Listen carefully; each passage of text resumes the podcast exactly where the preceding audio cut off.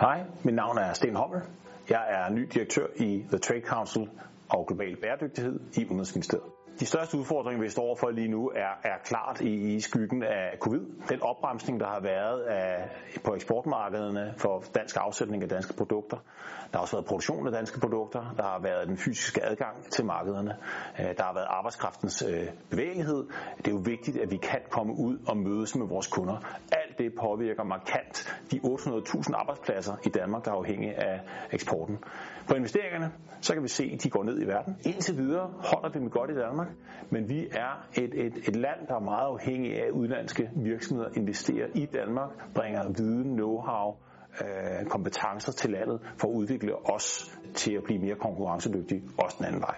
Hele Udenrigsministeriet er jo på arbejde for, for Danmark i den her coronakrise.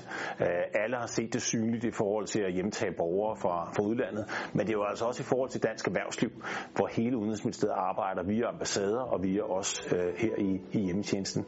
Vi skal udfolde de ressourcer, vi har, øh, tæt på virksomhederne, tæt på markederne, for at øh, afhjælpe de problemer, der er opstået helt praktisk, få varer over øh, grænsen, sikre tilladelserne, øh, skabe de bedst mulige forhold så det, at vi kan være med til at skabe en mulighed for, at erhvervsrejsende kan krydse grænser let, friktionsfrit, øh, er meget vigtig prioritet i vores arbejde.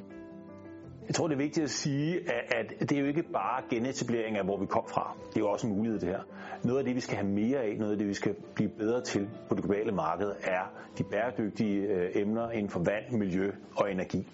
Øh, her kan vi gøre en stor forskel med dansk erhvervsliv og have helt særlige kompetencer.